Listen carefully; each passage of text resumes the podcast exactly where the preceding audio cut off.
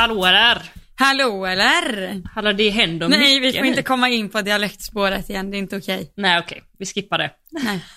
Ja. Men, Alltså idag är första gången vi hoppar direkt in utan försnack typ.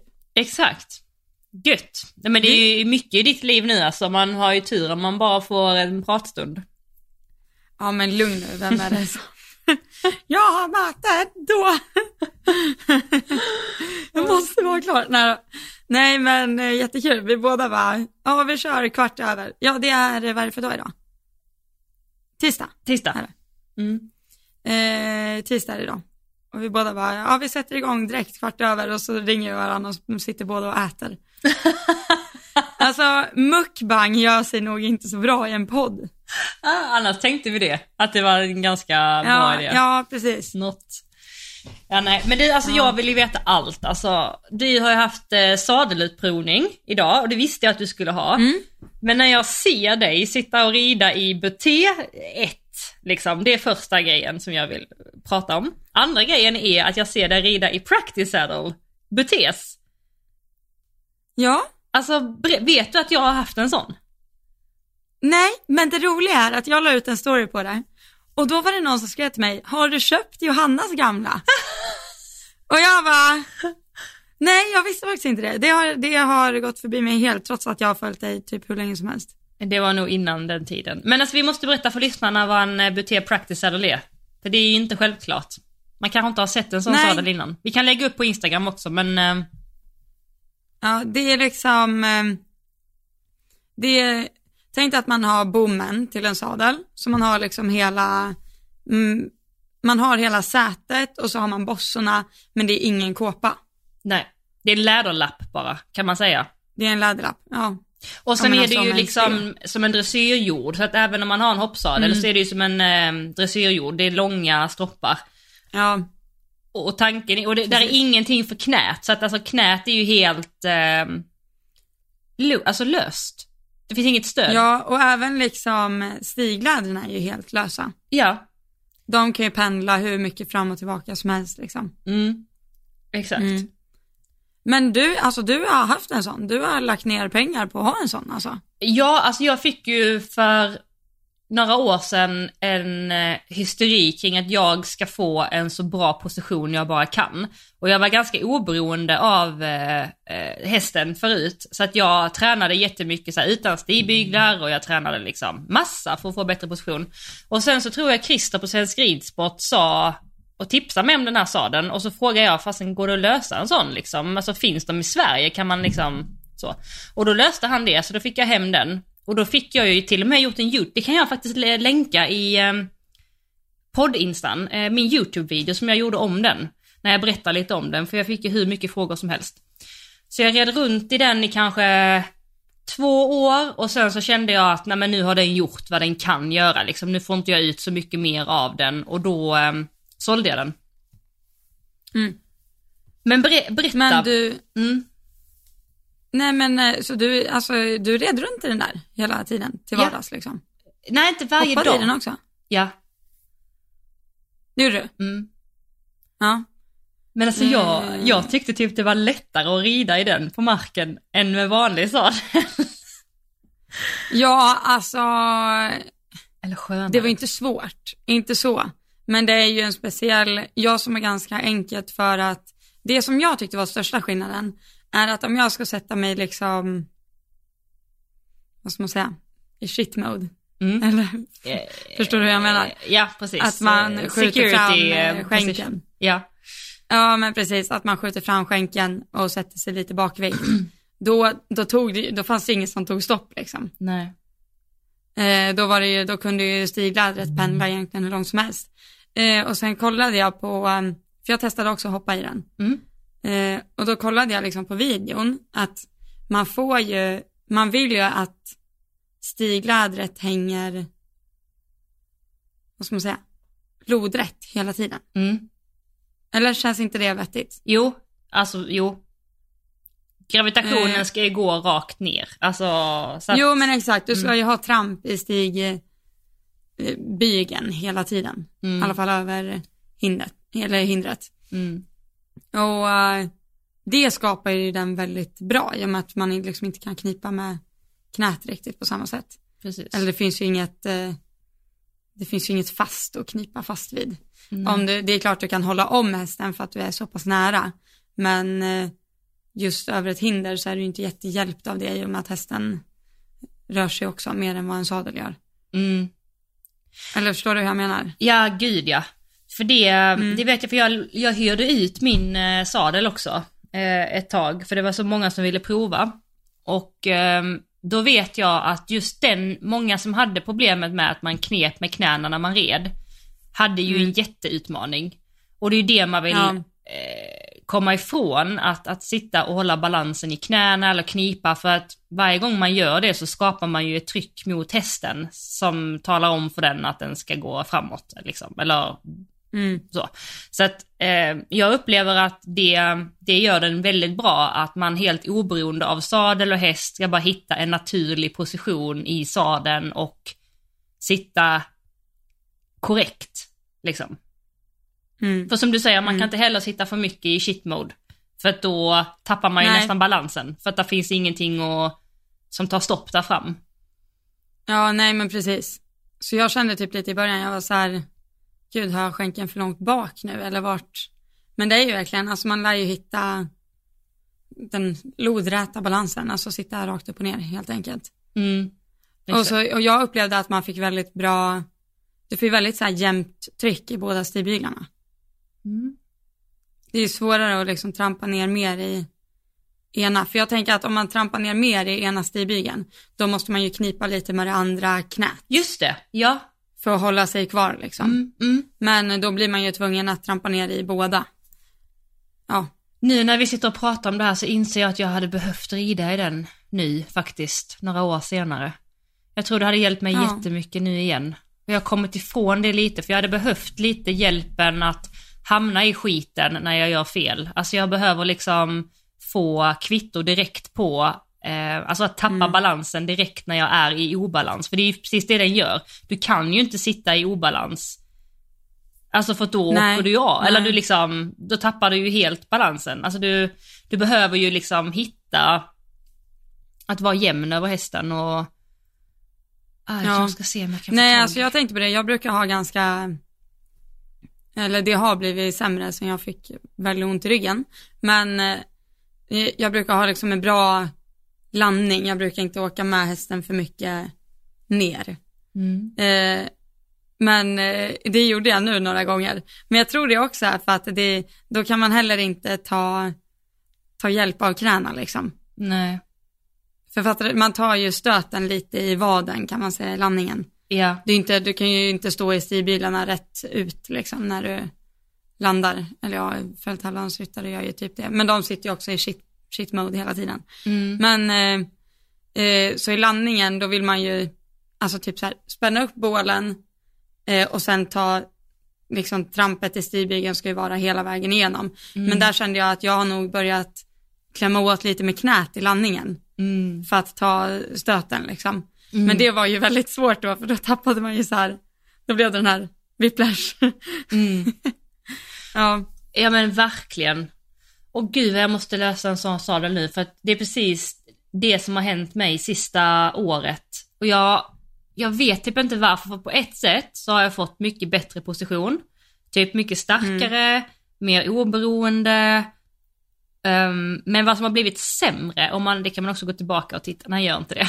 Men någonting jag var väldigt bra på innan var just mitt skänkeläge över hindret. Mm. same.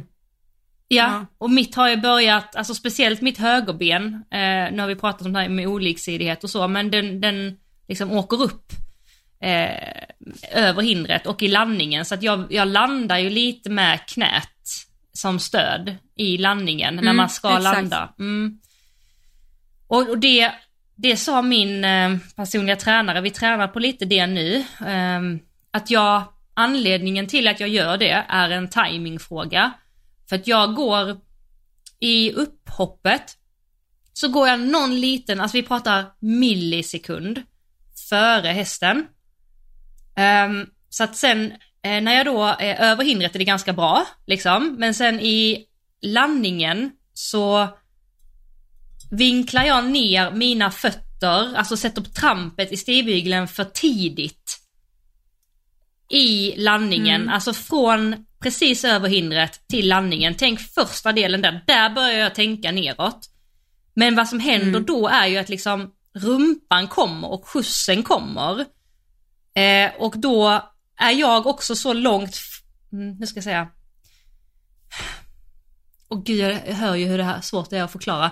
Men jag är liksom fel i tajmingen så att jag kan bara ta bak skänkeln i landningen för att min kropp kan inte göra något annat. Så det vi tränar på nu är att jag ska ha en lägre tyngdpunkt i rumpan. Att min rumpa ska längre bak i sadeln. Mm. Även i Alltså- landningen så att jag kan liksom få mina skänklar framför mig och landa, men också upprätt såklart, men med rumpan Mm. lite längre bak om det makes sense. Och så ska man ha rätt tygellängd på det där också. ja, och så har man ju då pygméarmar, ser som en T-rex. Ja, man har ju liksom inte så här Henrik von Eckermans armar och kan ha eh, 20 centimeter lång tygel liksom. Exakt. King Edwards korta Nej. nacke och Henkans långa armar. Ja, eller hur. Nej, men, eh, Nej men nej, men det är långa armar? jätteintressant det där. Alltså, och jag skulle väl säga, jag som har ridit mycket fälttävlan gjorde ju det till, eh, alltså jäklar vad jag har haft bra skänkelläge. Mm. Men nu har jag ju heller inte gjort det till världens viktigaste grej. Nej. Och jag tror det var för att när jag började rida storhäst, eller det här var även på ponny, men när jag började rida storhäst så kände jag så här, jag fick en ganska, min första storhäst var så här mycket gång och hoppade väldigt så här flytande. Mm. Så man blev inte, det, det var inte statiskt utan det var så här, um, så. Mm. Eh, så jag var ju verkligen tvungen att ha koll på min eh, skänkel. Mm. Och sen eh, har den varit som gjuten tills man tänker att mitt skänkelläge är ju bra. Så det behöver ju inte jag tänka på. Mm. Eh, ja. Men sen är det också lite så här beroende på häst. Vissa hästar har jag jättebra och vissa har jag lite sämre. Ja, samma Typ. Lasse har jag väldigt mycket sämre och Badou har jag väldigt mycket bättre. Och jag tror det är liksom för att Badou eh, sitter jag ju hela tiden och så här måste tippa lite till bakändan. Mm. Eh, och då blir det ju naturligt att jag liksom eh, pressar fram skänken och lyfter Mm. eh, framdelen. Ja. Eh, Medan Lasse är mer att jag liksom följer honom mer. Exakt. Exakt samma är det för Eh. mig med Fia. Det är precis Ja. samma sak, jag måste hela tiden hålla, hålla och så tippa upp liksom och då blir allt bättre. Kalle är det att jag måste typ tänka framåt och han tar mig inte hela vägen över hindret. Så att det säger också min tränare till mig att det syns, jättestor skillnad när du verkligen har honom framme och han tar dig. Då blir också positionen automatiskt bättre än om du kommer Ja, och han ja. hoppar tomt. För det är ju också Lasse, han tar väl inte dig heller helt över Nej, hindret. nej men exakt. Nej. Exakt. Så eh, han måste ju också, men nu är han inte där, han har inte kommit lika långt som Kalle. Han är ju inte riktigt där ens i markarbetet att han kan, att han jobbar 100% från skänken fram till handen hela, Nej. hela tiden. Så det är väldigt svårt att göra i en bana, men jag vill ju samtidigt eh, rida och tävla honom och hoppa honom. Det där lät ju fel. Det är klart man ska göra sitt markarbete, men jag tror ändå man lär Mm. hoppa samtidigt. Ja. Men, eh, eh, nej men det är ju väldigt olika vad det är. Alltså typ som eh, Bell hade jag ju otroligt bra skänkeläge på. Mm. Men det var ju också för att jag var tvungen att rida henne Alltså hela vägen igenom hindret kan man ju säga. Så det var ju, hon hade ju liksom, hon hade, hon fick ju inget utrymme alls egentligen. Nej. Men, eh, men det har jag ju insett, det var därför du sa det, du bara, i en BT, vad händer? Ja. Eh, och jag har ju ridit i CVD sen 2016. Fåtöljer har du ridit i. Nej men alltså, från början så började jag i 2GS. Och det är ju en fåtölj. Ja, Eh, okej. Mm. Och nu rider jag, eller har jag ridit i en eh, 2GS Main Moiselle, visst heter det så? Vet inte, har ingen Maid aning. Moiselle, jag tror det. Ja.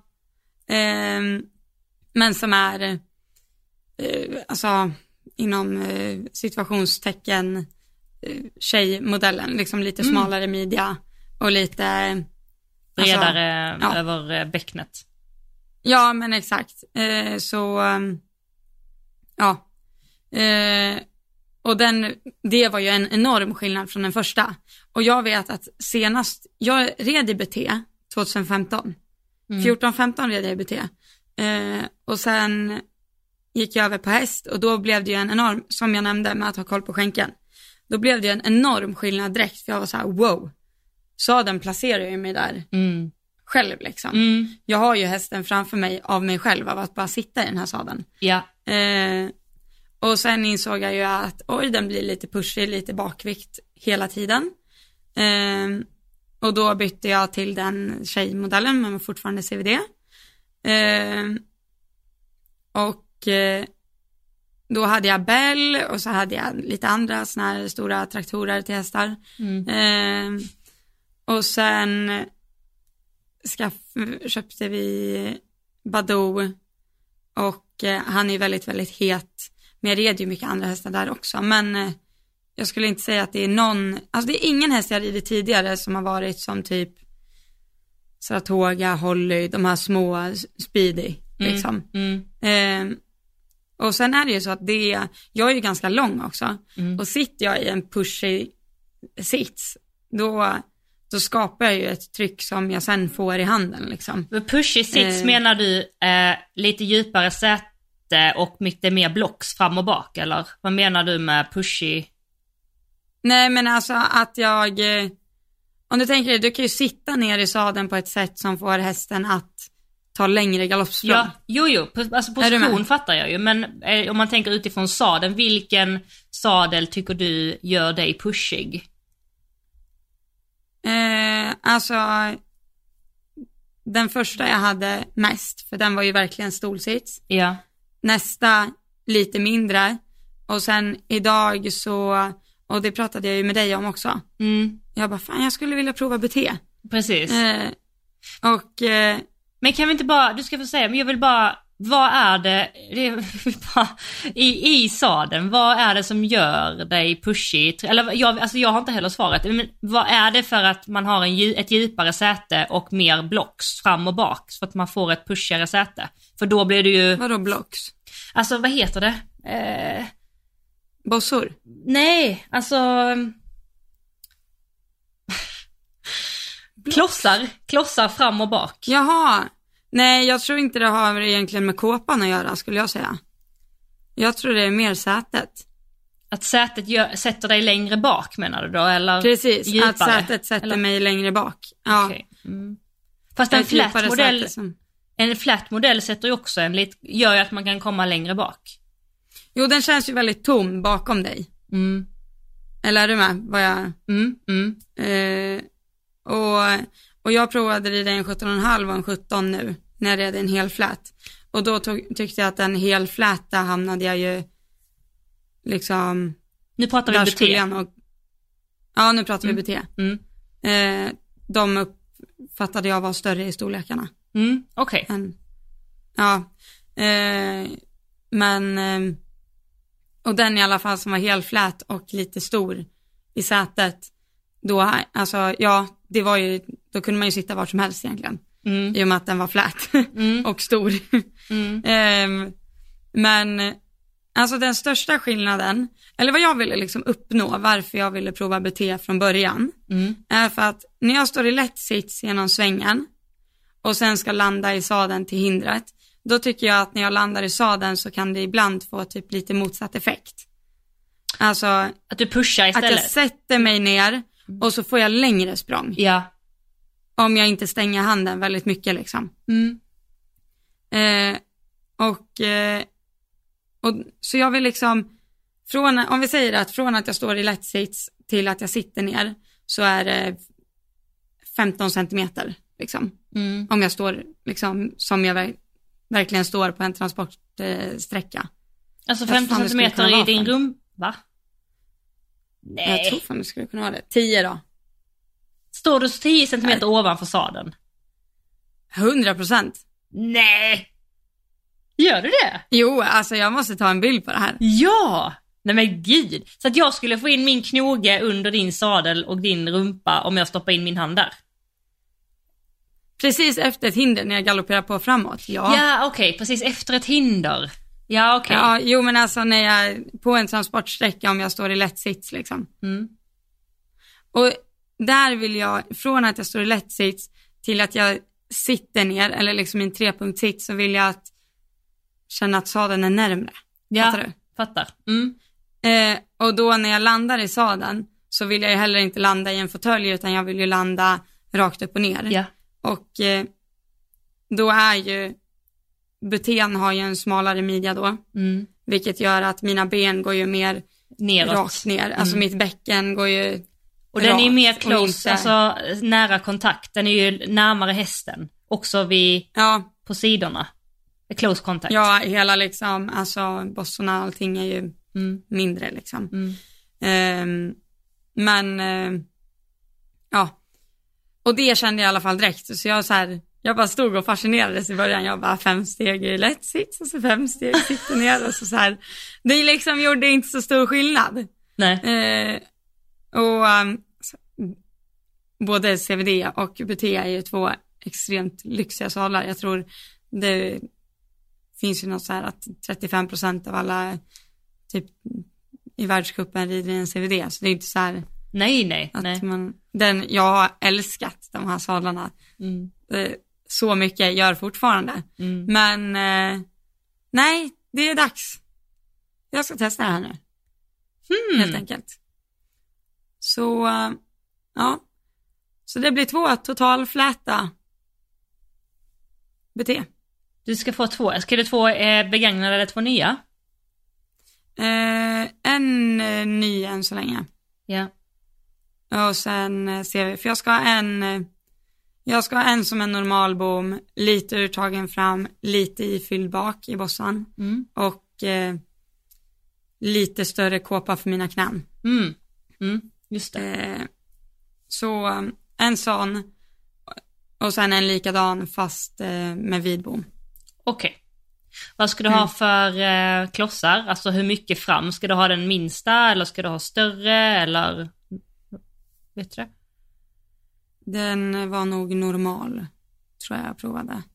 Mm. Inte, inte den, det finns ju de som är utan. Ja, exakt. Mm. Vad har du? Jag har den, eh, alltså den är jätte, jätteliten. Vi har renässanssadel ju. Men de är ju, Ja, renässans och Buté är ju samma eh, ägare tänkte jag säga. Det är ju Fredrik Buté, han har ju också gått in i eh, renässans tillsammans med Prestige.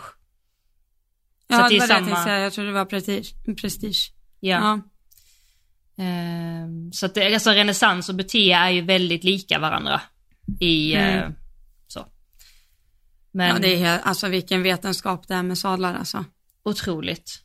Otroligt. Och också vilken, alltså hur viktigt, jag säger inte att det är oviktigt hur sadeln ligger på hästen, för det är viktigt i allra högsta grad. Mm. Eh, men hur viktigt det är att man hamnar liksom rätt i sadeln. Mm. Eh, ja, nej, att man inte hamnar i bakvikt eller hur det nu är. Eller i Den måste ju trycka liksom jämnt över Ja. ryggen. Mm. Så att den inte lättar bak eller lättar fram. Eller inte. Ja, men precis, eller när man liksom, när man ser sadeln att det är liksom att eh, Den är jämn. sadelläget är, är rakt, Mm. eller att det är liksom vågrätt, att det inte är bakåt eller framåt liksom. Precis, att inte framvalvet är högre än bakvalvet eller bakvalvet Jo, är högre men än precis. framvalvet. Ja, precis. Ja. Ja, men det är så guld att ha den hjälpen du också har ju från Sara. Att hon... ja eh, nej det är helt fantastiskt. Så eh, vi, hon hade med sig många. ja. Jag testade där, Mm. fick testa lite olika. Jag fick testa den som var liksom originalmodellen, som inte är total flat liksom. Mm. Ehm, och den föll jag för först, Mhm. när jag red eh, Lasse. Och sen hoppade jag i den flat på Lasse och då var det så här, fast nej den här kanske jag gillar mer. Och sen testade jag flat på tre andra hästar. Och då var det bara, nej men den. För det var så bra också, för hon kom till mig på morgonen och sen hade hon kunder på kvällen. Eh, för hon skulle eh, åka iväg en stund. Så då fick jag ju låna den sadeln och rida alla hästarna i. Ja, perfekt. Så, ja nej det var grymt. Men den, eh, den CVDn du har nu, är den, eh, Mm. är det stor skillnad på den flätta och eh, Butés flätta? Ja, alltså, ja det skulle jag ju säga. Mm. Fast det är fortfarande, du känner fortfarande stor skillnad från min CVD som är flät och en CVD som inte är flät. Ja, okej. Mm. Eller fattar du vad jag menar? Mm. Ja. Men sen är det ju, och det pratade vi också om, om jag skulle behålla en CVD och ha en ny BT, men då är det så här, någonstans så kommer man ju tycka om den ena mer. Mm. Men känner inte du då att det känns, vissa sadlar känns bättre på vissa hästar? För så är det med mig, med Kalle gillar jag renässansen mest och Marcellen på Fia. Alltså jag rider i Fia så mycket bättre i Marcellen än i renässansen. Men jag gillar ju renässanssadeln generellt bättre än Marcellen. Jo, jo men så är det ju såklart. Men jag skulle nog störa mig lite på att jag då hamnar olika liksom. Ja, okej. Jag skulle vilja jobba i samma position på alla hästar. Ja, Eller det var ju grunden till att jag ville testa en BTF, att hamna mer lodrätt över hästen och inte hamna i lite bakvikt liksom. nej just det. Åh gud vad Och spännande. nu säger jag inte att man, nu säger jag inte att man gör det i alla CVD-salar, men eh, eh, jag har i alla fall gjort det och jag tror jag har skapat det lite själv också för att jag har haft lite för korta läder och sen har platsen funnits att sitta lite längre bak i, Mm. i bakvalvet liksom, eller i, eh, i sätet. Precis. Det är också så stor skillnad ju, alltså hur lång man är. Du och jag, jag är 1,60, Mm. hur lång är du? 1,74. Ja exakt, det är Så jag är väldigt ju- stor skillnad. Mm, Ja, och jag har ju alltid gill- gillat att rida i korta läder. Mm. Och då har det blivit så här, oh jag behöver en 17,5 eller en 18 tum nästan. Ja, liksom. ja, få plats. Men då är det ju för att jag liksom, Men du ska hellre ha hamnat- framskurna kåpor då? Eller det har du alltid haft? Ja nej men det, det ska jag ha nu. Ja, men det har du Men det har jag haft. den andra också. Mm. Men från allra första början hade jag inte det.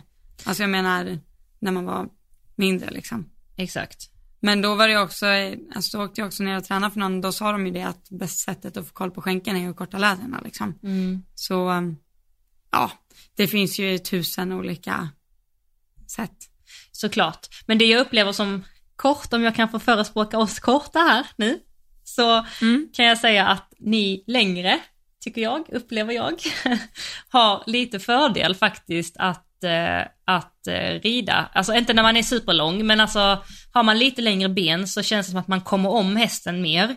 Och vi korta, vi når ju ner till liksom kåpans längd och sen så kommer liksom vår skänkel precis under, alltså överdrivet sett. Men vår, man säger halva underskänken, eller så här, din underskänkel, kollar man på dig så ser det ju, din sadel slutar ju liksom precis lite nedanför knät. Sen har du bara mage, typ, eller så. Mm. Medan jag kanske har anken, eller, och lite till över anken nära hästens mage. Så att det är ju lättare för dig att känna att skänken ligger an och att använda skänken liksom så. Medan jag hamnar lite ifrån hästen och så ju större, ju, tänk ju mer sadel jag har så har jag en CVD eller en ekip som jag hade innan som var väldigt mycket sadel. Så hamnar jag väldigt långt ifrån hästen. Och det var det jag gillade med renässans, att det är så nära hästen så att jag med mina korta ben får en chans att hamna lite mer som du själv är ute efter. Benen rakt ner, inte utåt liksom. Som man Ja. rider som en tjock ponny, för det är så man känner sig som en kort person. Eh, Du vet Johanna att jag rider så små hästar ibland som min underskänkel inte ens rör magen. jaha, då har det problemet istället. Ja, precis. Så det skulle jag vilja känna, det det är en annan, det är ett annat dilemma. Ja. Men det värsta Nej. tycker jag är att, eh, att eh, få ny sadel. För jag var inne nu på, vi håller på lite med Kalle också och ser om jag kan göra något med den sadeln jag har och med mig själv och sådär. Så jag ska få en på prov snart. Och jag bara så, alltså snälla har du en begagnad? Så jag vill inte ha en ny sadel, alltså det är det värsta jag vet alltså. Du, du ogillar det så mycket. Och jag hatar det så mycket, det är så obekvämt, allt är så hårt och allting är så styvt och det är så, Men alltså jag typ så här, jag tycker det ger sig ganska fort. ja. Men där är ju, där har ju jag haft CVD också Exakt. väldigt... Det eh, går inte att jämföra. Jämför inte en CVD Nej. med en renässans ny alltså. Det är som en tegelvägg alltså. Allting är bara... Ja, Ja, nog om det. herregud. nog om det.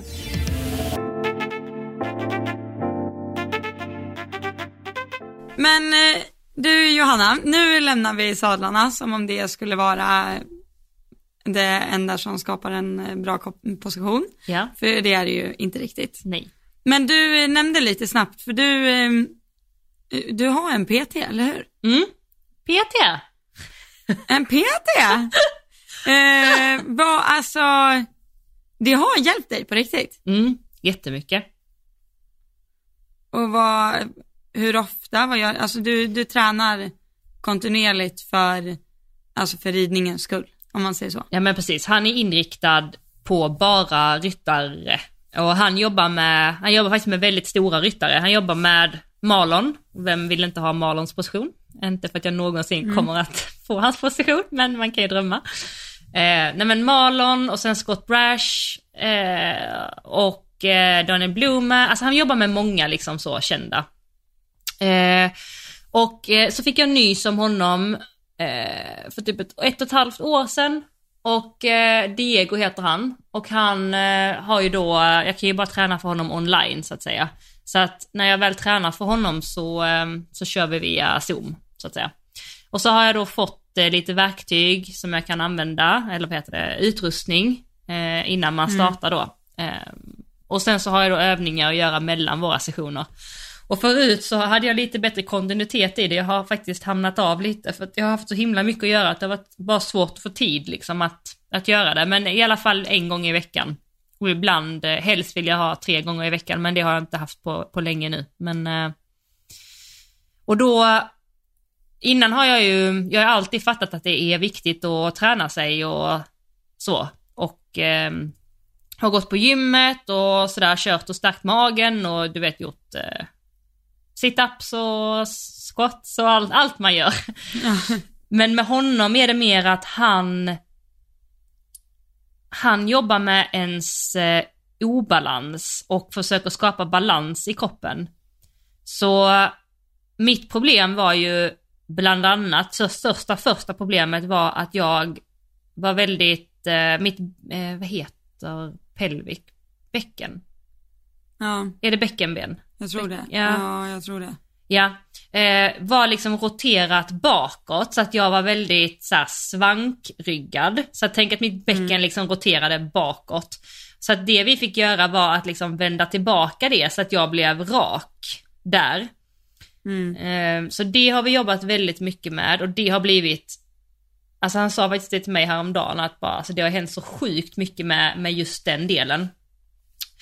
Eh, och, och hela filosofin är ju att kroppen ska vara, alltså som han säger, eh, one piece. Alltså en, en del alltihopa. Men jag var liksom så här: okej, bröstryggen och sen så bäcknet och sen benen, allting var som ett S liksom. Ja, Eh, men det, det börjar vi med, så det har jag faktiskt löst. Eh, så måste det underhållas. Och sen så just det här att mitt eh, högra, nu ska jag tänka. Eh, naturligt så har jag min vänsteraxel lite fram och mitt, min högra höft lite bak när jag rider. mm. Så att då vi, jobbar vi med att min vänsteraxel ska bak och min högerhöft ska fram. För då blir det jämnt så att säga. ja, Så att det jobbar vi med och eh, när man har gjort en repetition med de här övningarna man gör med honom tillräckligt många gånger så lär man liksom om kroppen att jobba rätt. Mm. Så att det ska bli naturligt. Så att det är det vi eh, jobbar med, att egentligen stärka Men det är mycket sida. så här, ja det är mycket så här gummiband och balansbräda och sånt, eller hur? Ja, exakt. Och mycket Ja. ja men precis, allting man gör ska man göra väldigt långsamt och väldigt korrekt. Så att det är väldigt så här, Ja, det är väldigt, väldigt jobbigt för det känns som att inombords så musklerna bara typ så här darrar, du vet man bara så att, Ja. så att det är mycket också koordination och jag har jättedålig koordination. Alltså verkligen, jag får skrattanfall när han ber mig göra vissa grejer för jag, jag fattar inte alltså. Så att, eh, på riktigt? ja. Du känns som en person som är så här kan dansa typ. Nej gud, jag kan, alltså, jag kan ju dansa för, alltså, på feeling. Det gör vi jättebra på, men be mig inte utföra steg i rätt ordning alltså. Jag, jag fattar inte.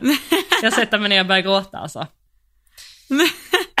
men du är grym på det va? På dansa, nej, värdelös, helt. Alltså, jag ser ut som en stork.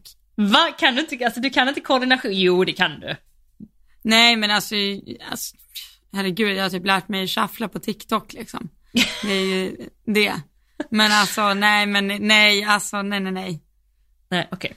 Och jag kan inte, och jag kan inte göra det med feeling liksom. Nej okej. Utan, nej, Men, nej. men det känns som att du har Jag naturlig balans i alla fall. Alltså du har väldigt bra balans i dig själv eller?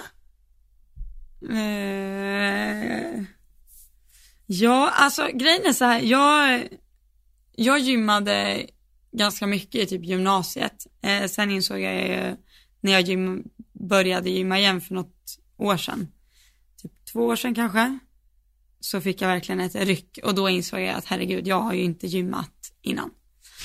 För då, eh, då gymmade jag tillsammans med min dåvarande sambo.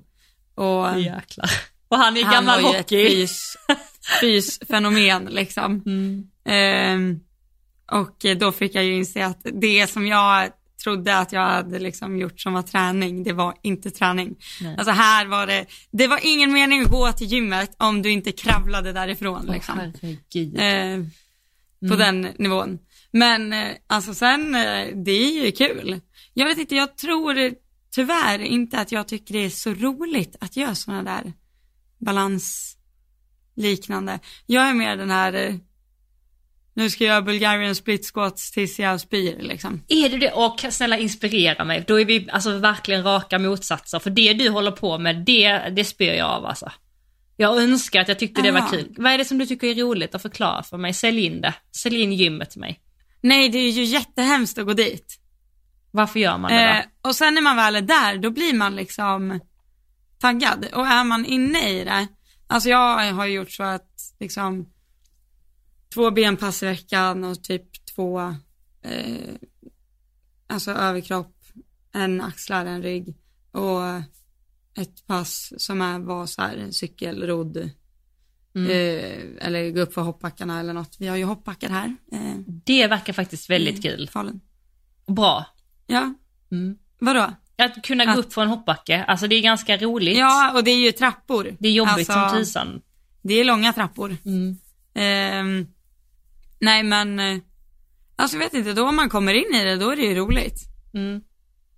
Okej. Och så, eh, jag vet inte varför det är kul, jättekonstigt, men det är väl eh, dopamin det också. Mm. Det är ju så. Det är väl av den anledningen, men alltså det är väl, det ger väl dopaminrus också att göra balansövningar, det är ju också drygt. men jag vet inte, jag tror jag bara gillar det här, liksom, hög svenskorten hiphop och eh, ja, det är nog det. Det matchar din profil ganska bra ändå. Det, det matchade din profil ganska bra. Nej men, eh, ja, det är kul av okänd anledning. Ja. Och sen är det ju skönt att ha träningsverk. Mm. Absolut. Det tycker inte du? Nej. Ja, Jag är så o... Fast sen alltså det här, det här låter ju som att jag är världens mest motiverade människa. Nej, nej, nej. Alltså det, det finns gånger när jag bara, jag har bokat gymmet. Och det är ju också en anledning. Vi har ju gym i bostadsrättsföreningen där jag bor. Ah. Så vi, jag har ju ett fullt utrustat gym som jag bokar gratis. Och då bokar man en timme helt själv. Ah. Jag skulle nice. inte gått till ett gym, gym och kunna gjort samma sak som jag gör här. Mm. Ja, alltså ja, Ta det selfies i finns någon spegeln som gör eller? det, men jag hade tyckt det var jättejobbigt. Vad sa du? Ta selfies i spegeln eller? Ja, eller hur? Ja, exakt. Enbart av den anledningen. Nej, men alltså herregud vad jobbigt att stå där och göra sina squats med massa folk runt om sig. Det är ju jättelyxigt alltså, det här att du har Ja. eh, den möjligheten. Så det Ja, gör nej, det du, det. eh, alltså du tränar eh, några gånger i veckan då, där nere. Ja. Mm. Alltså, det är också lite roligt, för förut så la jag alltid, för det gjorde du, det har du slutat med, jag- lägger ut så här dagsplan. Ja. Varför då? Ja men alltså jag, jag vet, alltså jag typ, alltså jag tror det var lite så här för att ni- när jag la ut det så la jag ut typ för min egen skull. Alltså jag gillar, du vet när jag går upp på morgonen, sitter och tar mitt kaffe, så planerar jag ju alltid dagen ändå. Alltså så, vad jag ska göra och sådär. Mm. Och så började jag dela med mig av det. Och eh, bara typ eh, en grej som content liksom. Mm. Men sen så kändes det liksom efter ett tag typ Heter det pretentiöst? Eller typ såhär, åh titta vad jag ska göra idag. Alltså jag fick typ, det var ingen som sa det för det var jättemånga som tyckte det var inspirerande. Jag det var tyckte många det var som, jättebra. Jo men sen så, jo du vet med alla de här uh, tramsfrans och de gjorde ju liksom så här, så här roliga på typ influencers bekostnad att Åh titta vad jag ska göra idag och vad duktig jag är eller titta hur mycket jag hinner med. Alltså, och det var ju verkligen inte så mina listor var utan det var verkligen bara så här att detta händer och det gör det oavsett om det står på listan eller inte. Alltså där är jag ju väldigt så Alltså, här, jag- mm, Ja, jag tyckte absolut, jag fattar vad du menar med den här tramsflans, men alltså då, han gör ju sig rolig på influencers som säger typ så här, idag ska jag dricka tre liter vatten. Eh, som att det var liksom en, det, ja, det var inte riktigt så det ut, utan det var ju så här, möte, stallet, träna, ja, eh, äta lunch med Andrea, alltså så här, ja, det var ju mer så. Jag tyckte typ det var jätteskönt i content-syfte. För att det var så här, för jag vet att, eh, för jag kan ju fota en del under dagen. Nu är jag ganska mycket sämre än dig på att uppdatera story. Men då om jag fotar under dagen, då är det inte alltid så att jag liksom, att det hamnar upplagt i kronologisk ordning. Nej. förstår du jag menar? exakt. Jag försöker lägga upp det så. Men det, alltså jag som följer dig tyckte ju det var jätteskönt för att då när det, det kommer upp, så är det så här, ja men nu är det en ny dag. Eller fattar du? Ja, Så här, nu är vi inne på tisdag eh, och så kollar vi tisdagen. Och sen, nej men jag vet inte, det blev typ ordning. ja, det kanske Och sen är... också, för du gjorde det inte på helger, eller hur? Nej, bara måndag till Nej, fredag. alltså det var Nej, jättebra. jag noterade det, vad gullig du är, vad fint. Nej, för jag brukar inte heller uppdatera stories på helger. Nej. Jag vet inte varför, men det är typ så här, det känns som, och det är nog också för att jag har försökt gjort mitt jobb. Det är väldigt svårt att jobba med hästar och säga så här, jag ska jobba fem dagar i veckan. Jo, Men jag försöker verkligen rida så mycket jag kan måndag till fredag. Så liksom hälften av hästarna vilar lördag och hälften av hästarna vilar söndag. ja, fattar. Eh, ja, Men jag och alltså... då blir det också så här, Mm. vad sa du? Nej, nej, säg. Nej, och då blir det också så här, när man ändå inte är där så är det in- inte lika motiverande av att uppdatera om typ så här. Idag är jag och kollar på Leksands IF liksom. Det är ju inga intresserade av. Nej. Eller jo, alltså Men- jo faktiskt. Eller jo, det är man ju. Men det var det jag ville komma till från början. Ja, För eh, förut så la jag ju ut typ så här en gymbild varje dag. Just det. Typ så här.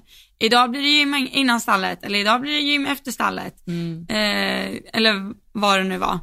Men det här eh, störde ju sig folk på, så folk började ju skriva sen att så här, jag följer ju dig för att eh, jag vill veta vad du gör med dina hästar, jag tycker eh, det blir typ stressande av att du lägger ut, så här, jag hade följt en gym-instagram om jag hade velat sett gym-content. Liksom. Fick du verkligen sån? Alltså, Ja. det var ju inte mycket bilder du la ut på att du var på gymmet. Nej men det var väl en om, eller typ en om dagen, eller en fem gånger i veckan, kan man väl säga. Det finns ju Men det var ju också, ja, ja, andra som lägger ut mer. men då, alltså då slutade jag. Men gud. Nu vet jag att jag gjorde det typ en gång förra veckan. Ja, gjorde du.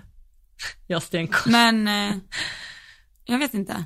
Men det tycker jag att, eh, jag kan, jag kan ju förstå det, men samtidigt så är det ju hela dig och jag tror att man, det tycker jag att, eh, ja, det, är, en hårfin gräns, men om man stör sig på någon så tycker jag att man ska avfölja.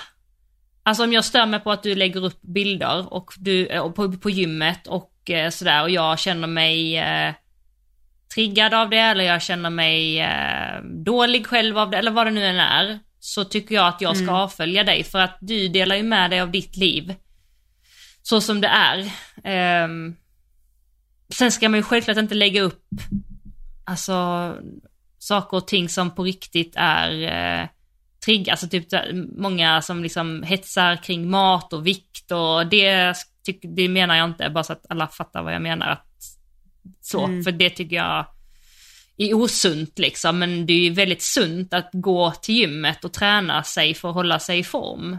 Alltså det är ju, det är någonting som jag tycker att det har ändrats hos mig i sista åren, jag tror det kommer med åldern också. Att innan var det så här att äta hälsosamt och träna, det var liksom en idealgrej. Det var så här, åh du är liksom hälsosam och du är liksom en, inte cool grej men liksom Ja men jag fattar. Ja, men nu är det så här att det är så du blir gammal och lever länge. Alltså det är så du mår bra. Om du äter bra mat Ja. och rör på dig så är det, håller du dig frisk och pigg. Ehm, och då blev det tycker jag ett tag så här att det nästan blev lite fy skam att lägga upp bra mat och gym, för då var det mer så här att åh, man får visst äta onyttigt. Och gud, klart jag äter skitmycket onyttigt, alltså det är inte så jag menar. Men man kan heller liksom inte ta bort det faktum att vi människor mår bra av att äta bra mat och träna. Liksom. Förstår du hur nej, jag menar? Nej men exakt, exakt. Nej jag förstår precis vad du menar. För jag, alltså min, eh, min stora syster är ju så här, alltså hon är ju så vältränad så jag, alltså, eh, alltså jag tror det var i somras skulle vi typ ner och bada på sommarstället. Jag så här, jag bara vad i, jag bara ska, du vara med i längdskidslandslaget eller liksom vad, du jobbar på kontor. Hon bara, ja men det är ju just därför jag sitter ju still hela dagarna. Mm. Jag måste ju liksom röra på mig, typ så här, herregud jag är ju 30. Mm. Sen vips är man 50, jag måste väl hålla mig hel på något sätt. Mm. Jag kan inte sitta på arslet liksom hela mitt liv. Nej. Och sen är hon ju liksom en friluftsmänniska ute i fingertopparna också. Men, eh, Hon har ju en och poäng. då blev det så här, liksom. då gick det upp för mig och bara, shit, alltså man behöver ju inte träna, alltså man kan ju träna bara för att man tycker det är kul verkligen. Exakt. Och må bra. Och det där, Alltså man Ja, behöver inte ja. träna för att få abs liksom.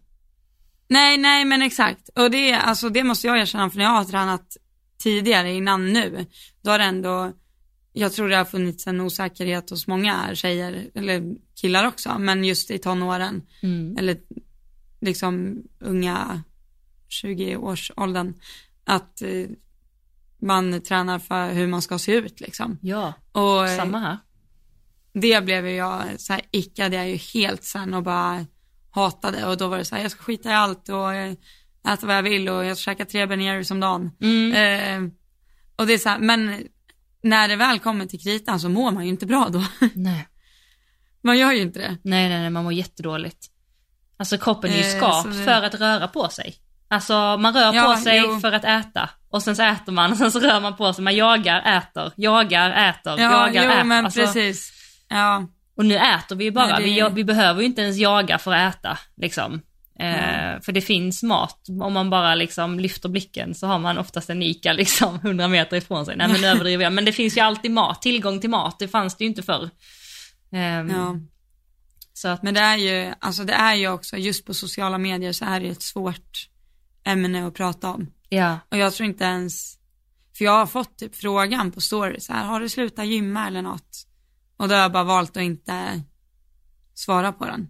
För att så här, Men jag tycker att du ska det? fortsätta göra det från och med nu, tycker jag att du ska lägga upp när du, när du själv vill det såklart. När du, om du känner så Ja, att jag jo. är på gymmet och vill lägga upp en bild, då gör du det. ja. Ja, det kan man göra. Ja, det tycker jag verkligen att du ska Jag ska börja med timelapse också. Ja, precis. ja, men det gjorde jag också mycket förr. Eh, Ja, så. nej men, eh, vet inte, men du är väl duktig på att vara kontinuerlig på story. Men är du sämre på helger? Eller helger? Helger? Nej men alltså när jag tävlar är jag väldigt bra.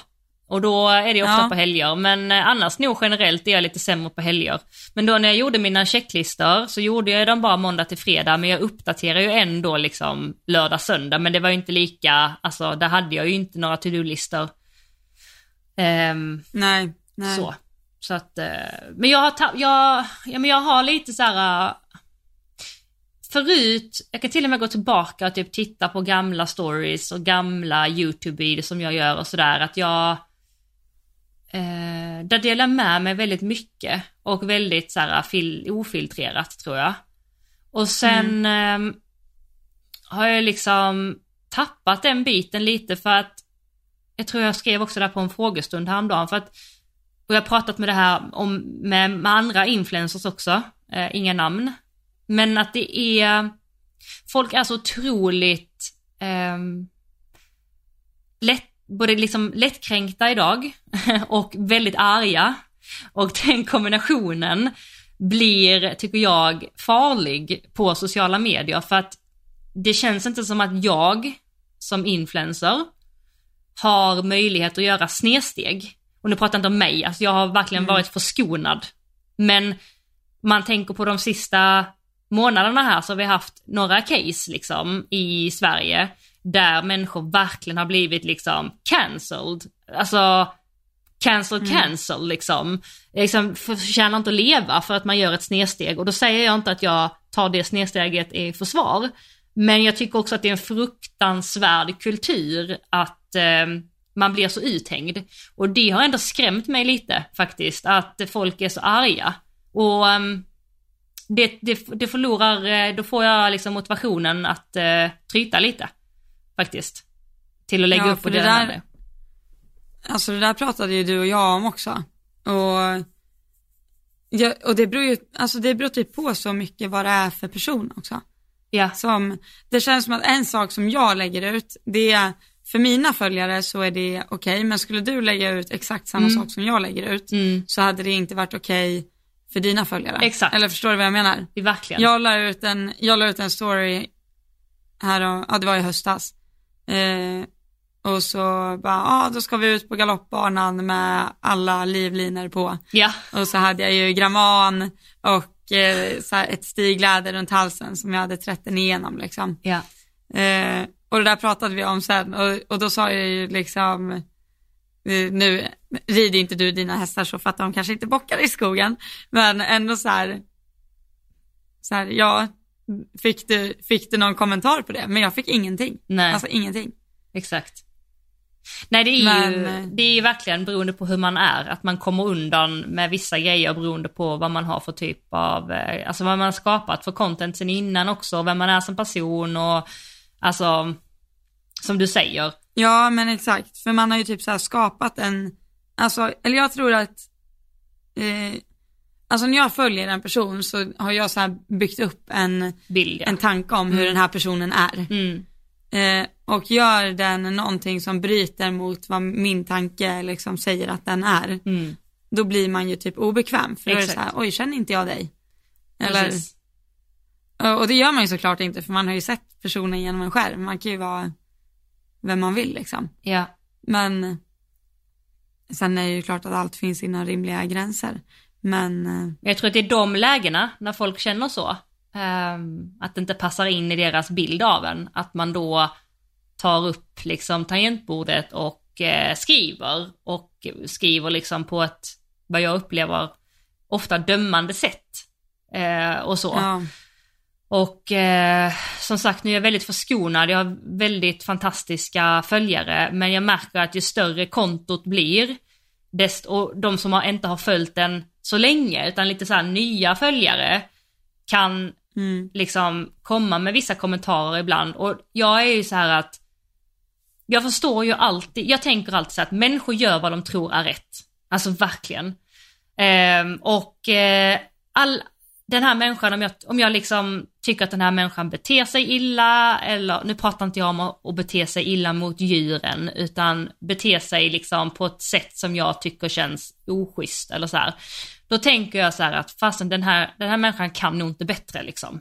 Alltså hon eller han gör så gott hon kan med, med det de vet och kan och liksom så här. Och sen så släpper jag det och liksom förlåter den personen för att den, så även om den personen varit otrevlig mot mig. Jag är liksom, jag är inte, fast jag är ganska, kanske överdriven där, men jag, jag upplever att, typ som nu när jag la upp med, ehm, ja just det, men det var ett bra exempel, för det tog du upp i förra avsnittet, att jag la upp eh, hur jag jobbar med Cassie första gången hon kom. Och som du också lade märke till, det var ändå liksom lite bjussigt, för jag brukar inte göra det. Alltså så. nej, Och så vet jag att må- jätte, jag får alltid frågor, gud hur jobbar du med hästarna från marken, kan du inte visa, kan du? Alltså jag får jätte, jätte, jättemycket frågor om det hela allt. Så jag bara okej men nu har jag verkligen chansen att visa för att nu har jag en häst som inte känner mig och jag känner inte den så att det är ju perfekt råmaterial att visa, så här är det. Ehm, Och det var såklart vissa som skrev också att det var väldigt inspirerande och sådär, men också så här, men varför eh, smackar du där? Eller varför eh, liksom eh, förstå, eller blir det inte förvirrande för hästen om du gör sådär när, alltså så. Och uppenbarligen, alltså nu är jag lite, lite hård, men jag har två hästar som känns ganska trygga, som har, det bevisligen har fungerat med, liksom, Mm. det systemet. Och eh, eh, att ifrågasätta liksom på ett otrevligt sätt tycker jag känns liksom ganska o, liksom oskönt. För att man kan fråga av nyfikenhet bara, "Du, jag ser att du gör på det här sättet, vad är tanken kring det? Eller hur så, men att bara så här, du har fel och jag har rätt, den attityden tycker jag är jätteoschysst. Liksom. Mm. Eller oskön. Och då tappar Ja. man det lite som, och det ska man också faktiskt ha med sig som, tycker jag, om man följer, om man inte har själv ett stort konto och kanske följer andra människor med stora konto, kom ihåg att de personerna behöver inte bjuda på allt de gör.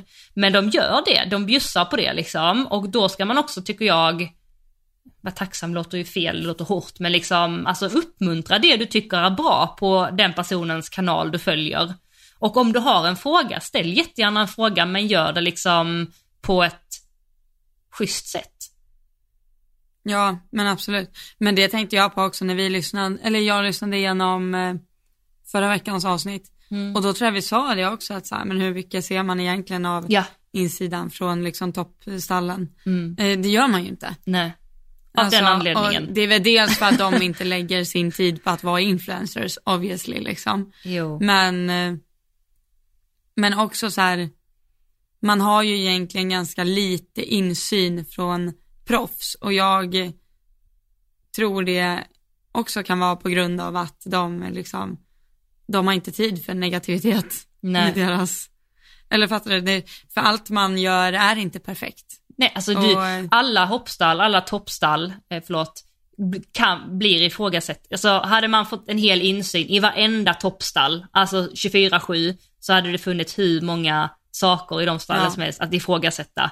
Och som vissa nog inte hade liksom trott sina ögon av att se. Alltså det, det är sånt Nej. man vet om man har liksom varit i stallen, Mm. men som en stor massa kanske inte vet. Men då, man, Ja, och det, mm, Det där pratade jag med Sara om idag. För att eh, hon har jobbat hos eh, Rolf Bengtsson mm, tidigare. Och eh, hon sa det att man får en chock när man kommer till Tyskland liksom. ja, Och jag var så här, ja det får man ju, de tyckte att jag travade jättefort och jag tyckte att jag travade pisslångsamt när jag var där och provjobbade liksom. mm, Och det är ju det som är grejen att skulle du kolla in i de, alltså de, om vi tar de hundra bästa i världen mm, och så hänger man i deras liksom system i en vecka. Alltså inte ett kommer vara det andra likt. nej, Alltså alla kommer ju vara olika. mm, Alla kommer ju ha olika syn på eh, allt ifrån hur du borstar och hoppar upp till Mm. eh, vilken längd kombinationen ska vara när du hoppar hemma. mm, Alltså allt är ju olika. ja. Eh, och jag tror ju också det är det som gör att man så här, då finns det ju såklart folk som inte orkar dela med sig för att man inte orkar förklara sig. Nej, Liksom. exakt, precis. Och det tycker Ja. jag det är det som är så synd, för vi behöver ju eh, kunskapen. Alltså om man tänker vi, den stora massan vill ju lära ifrån proffsen. Liksom. Och om proffsen inte Mm. vill eller kan eller så dela med sig av, ja okej hur ska vi lära oss liksom. Så att därför bär man också ett ansvar att inte vara för, tycker jag, kritiserande eller liksom ifrågasättande ska man alltid vara, men att man liksom av nyfikenhet försöker förstå snarare än att döma direkt. Eh, tror jag Ja. är skitviktigt alltså. Gud. Men vi får följa upp det här nästa, nästa vecka kanske. Fast grejen Ja. är, du håller ju på att packa, eller? Har du börjat packa? Ja, det har jag faktiskt. Alltså Jag har du, tagit hem hjälm och stövlar nu, det känns jättekonstigt. ah, nästa gång vi poddar så är du i Florida. Ah, känn på Ja, den! ja shit vad sjukt det här är jag. Ah, gud. Alltså när, när vi har släppt det här, då sitter jag där och rider i solen. Precis, nu när ni lyssnar på det här, Det- ja då är du sa- i Florida. Ja, alltså det sa Sara till mig idag också. Hon bara, akta dig för kro- krokodilerna. Jag bara, va? Va? Det är krokodiler överallt tydligen. Va?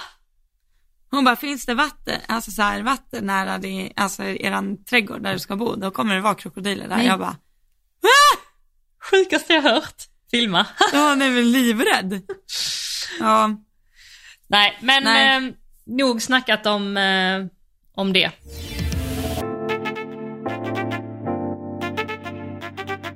Nej, men eh, nu är det ju dags att avrunda snabbt som tusan här så vi hinner på våra andra åtaganden.